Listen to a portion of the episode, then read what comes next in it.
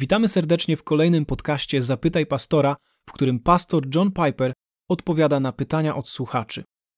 Dzisiejsze pytanie dotyczy modlitwy i brzmi: Co oznacza nakaz nieustannie się módlcie? Sprawdźmy nieco kontekst, w jakim znajduje się nasz tekst, ponieważ kontekst mówi wiele istotnych rzeczy na temat tego krótkiego wyrażenia. Oto 1 Tesaloniczan 5:15. Uważajcie, aby nikt nikomu nie odpłacał złem za zło, ale zawsze, i zauważ to słowo zawsze, zawsze dążcie do tego, co dobre dla siebie nawzajem i dla wszystkich. Zaczynam tutaj od wersetu 15, żebyśmy zobaczyli, że brzemię Pawła nie jest zaledwie rodzajem osobistej pobożności, kiedy mówi on o modlitwie. To jest radykalne wezwanie do miłości wbrew naszej naturze i kulturze. Nie odpłacaj ludziom złem za zło. Czyń zawsze i wszystkim dobro. W pierwszym Tesaloniczan 5:16 Paweł mówi: Zawsze się radujcie. I nie ma to być rodzajem emocjonalnej reakcji w odpowiedzi na bycie źle potraktowanym albo dlatego, że ktoś jest traktowany lepiej. Może jesteś zraniony, może pogardzony, może jesteś w więzieniu niesprawiedliwie. Paweł posiada naprawdę zdumiewający, nadprzyrodzony sposób na życie. Będąc traktowanym źle, odpłacać dobrem za to zło i czynić to cały czas radując się zawsze. Zawsze czyniąc dobro tym, którzy czynią ci zło, zawsze się radując. To jest niesamowite. A potem pojawia się zwrot: nieustannie się módlcie.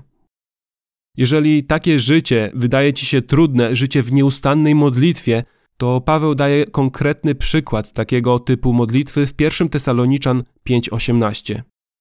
To nie jest tylko modlitwa Panie, pomóż mi, którą to oczywiście byśmy się modlili cały czas. Panie, potrzebuję pomocy, żeby żyć w taki sposób. On kontynuuje i mówi: Za wszystko dziękujcie. Taka jest bowiem wola Boga w Chrystusie Jezusie względem Was.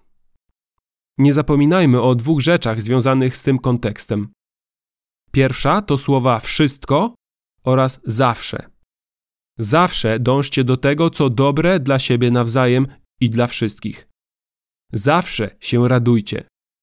Zawsze się módlcie lub też nieustannie. Zawsze dziękujcie lub też za wszystko. Drugim spostrzeżeniem związanym z tym kontekstem jest to, że wydaje się tam pojawiać pogłębienie odpowiedzi na pytanie jak? Jak żyć? Odpowiedź: zawsze dążcie do tego, co dobre dla wszystkich, nawet jeżeli oni nie czynią dobrze wobec ciebie. Jak? Zawsze się raduj. Znajdź radość w czymś poza tym, jak jesteś traktowany. Jak? Zawsze się módl. Niech Twoim nastawieniem będzie ciągła wdzięczność Bogu. Więc co oznacza nieustannie się módlcie w tych kontekstach? Widzę tutaj przynajmniej trzy znaczenia. Po pierwsze, oznacza to, że jest duch zależności, który powinien przenikać wszystko, co robimy. To jest właśnie duch i esencja modlitwy zależność. Więc nawet kiedy nie rozmawiamy świadomie z Bogiem, to posiadamy głęboką, stałą zależność od Niego. Zależność, która jest wpleciona w samą esencję naszej wiary. W tym sensie się modlimy. Nieustannie odczuwamy ducha zależności i myślę, że tego rodzaju nastawienie leży u podstaw tego, co stwarza Bóg, kiedy stwarza On chrześcijanina. Drugim znaczeniem, które posiada ten zwrot, i myślę, że o to przede wszystkim chodzi Pawłowi w tym fragmencie, jest to, że nieustanna modlitwa oznacza modlenie się wielokrotnie i często. Opieram to na sposobie, w jaki użył on słowa nieustannie, po grecku adialeiptos, w Rzymian 1:9. Posłuchajcie, jak używa on tego słowa, opisując wyrażenie nieustannie. Mówi: Świadkiem mi bowiem jest On, Bóg, któremu służę w duchu moim w Ewangelii Syna Jego, iż bez przystanku wzmiankę adialeiptos o was czynię. Możemy być pewni, że Paweł nie czynił wzmianki o Rzymianach w każdej minucie czy sekundzie trakcie swoich modlitw lub w ciągu każdego dnia, czy też w każdym ze swoich nauczań. Modlił się i mówił o wielu innych rzeczach poza Rzymianami. Ale często czynił o nich wzmianki. Robił to regularnie, więc on mówi: Nieustannie was wspominam. To nie znaczy, że zawsze w każdej sekundzie robił o nich wzmianki słowne lub w swoich myślach. Ale to znaczy, że za każdym razem, zawsze, wielokrotnie, bez uchybień, kiedy klękam, ja się o was modlę. Myślę, że właśnie to on ma na myśli poprzez nieustannie się módlcie, czyli wielokrotnie i często. Trzecią rzeczą, którą wydaje mi się, że on miał na myśli, jest to niezaniechanie modlitwy. Nieustannie oznacza, że nigdy nie znajdziesz się w takim miejscu w swoim życiu, kiedy powiesz: Modlitwa nie działa, mam dość, kończę z modlitwą. To byłoby całkowitym przeciwieństwem słowa nieustannie. To znaczy, nigdy tego nie rób, nigdy nie znajdź się w takim miejscu. Więc kluczem do nieustannego radowania się jest ciągła modlitwa, to znaczy zawsze opieranie się na Bogu i częste, wielokrotne wołanie do Niego. Nigdy nie rezygnuj z szukania pomocy u Niego. Wielokrotnie w ciągu dnia przychodź do Niego i rób to często. Spraw, żeby domyślnym stanem Twojego umysłu była tęsknota za Bogiem i wdzięczność Bogu. I jeszcze jedna ostatnia rzecz.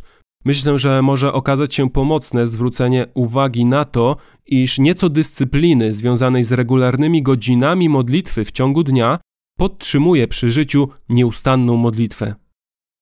Słyszałem od wielu ludzi, że chcą oni modlić się spontanicznie, zawsze chcą być w duchu modlitwy, nie potrzebują określonego czasu na modlitwę. Mówią, że takie zachowanie jest legalistyczne. Myślę, że taka postawa jest absurdalna. Myślę, że jest ona niebiblijna i nierealna, jeżeli tylko znamy siebie. Ponieważ to właśnie zdyscyplinowanie, regularne godziny modlitwy tworzą w nas takiego ducha, który pozwala nam radować się godzina po godzinie spontanicznym chodzeniem z Bogiem. Stary, poczciwy Daniel w Starym Testamencie jest tego wspaniałym przykładem, ponieważ wiemy, że w krytycznie kryzysowych momentach swojego życia ofiarował Bogu krótkie, śpieszne modlitwy, o Boże, pomóż mi. Zostałem zapytany o coś, na co nie mam odpowiedzi.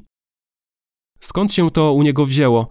Księga Daniela 6:10 mówi: A gdy Daniel się dowiedział, że sporządzono to pismo, udał się do swojego domu, a miał w swoim górnym pokoju okna otwarte w stronę Jerozolimy i trzy razy dziennie padał na kolana, modlił się i wysławiał swojego Boga, jak to zwykle dotąd czynił.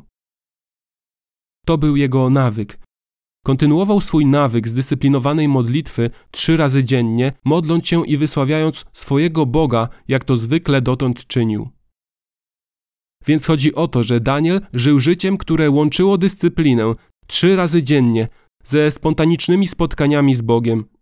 I myślę, że tak samo powinno być z nami.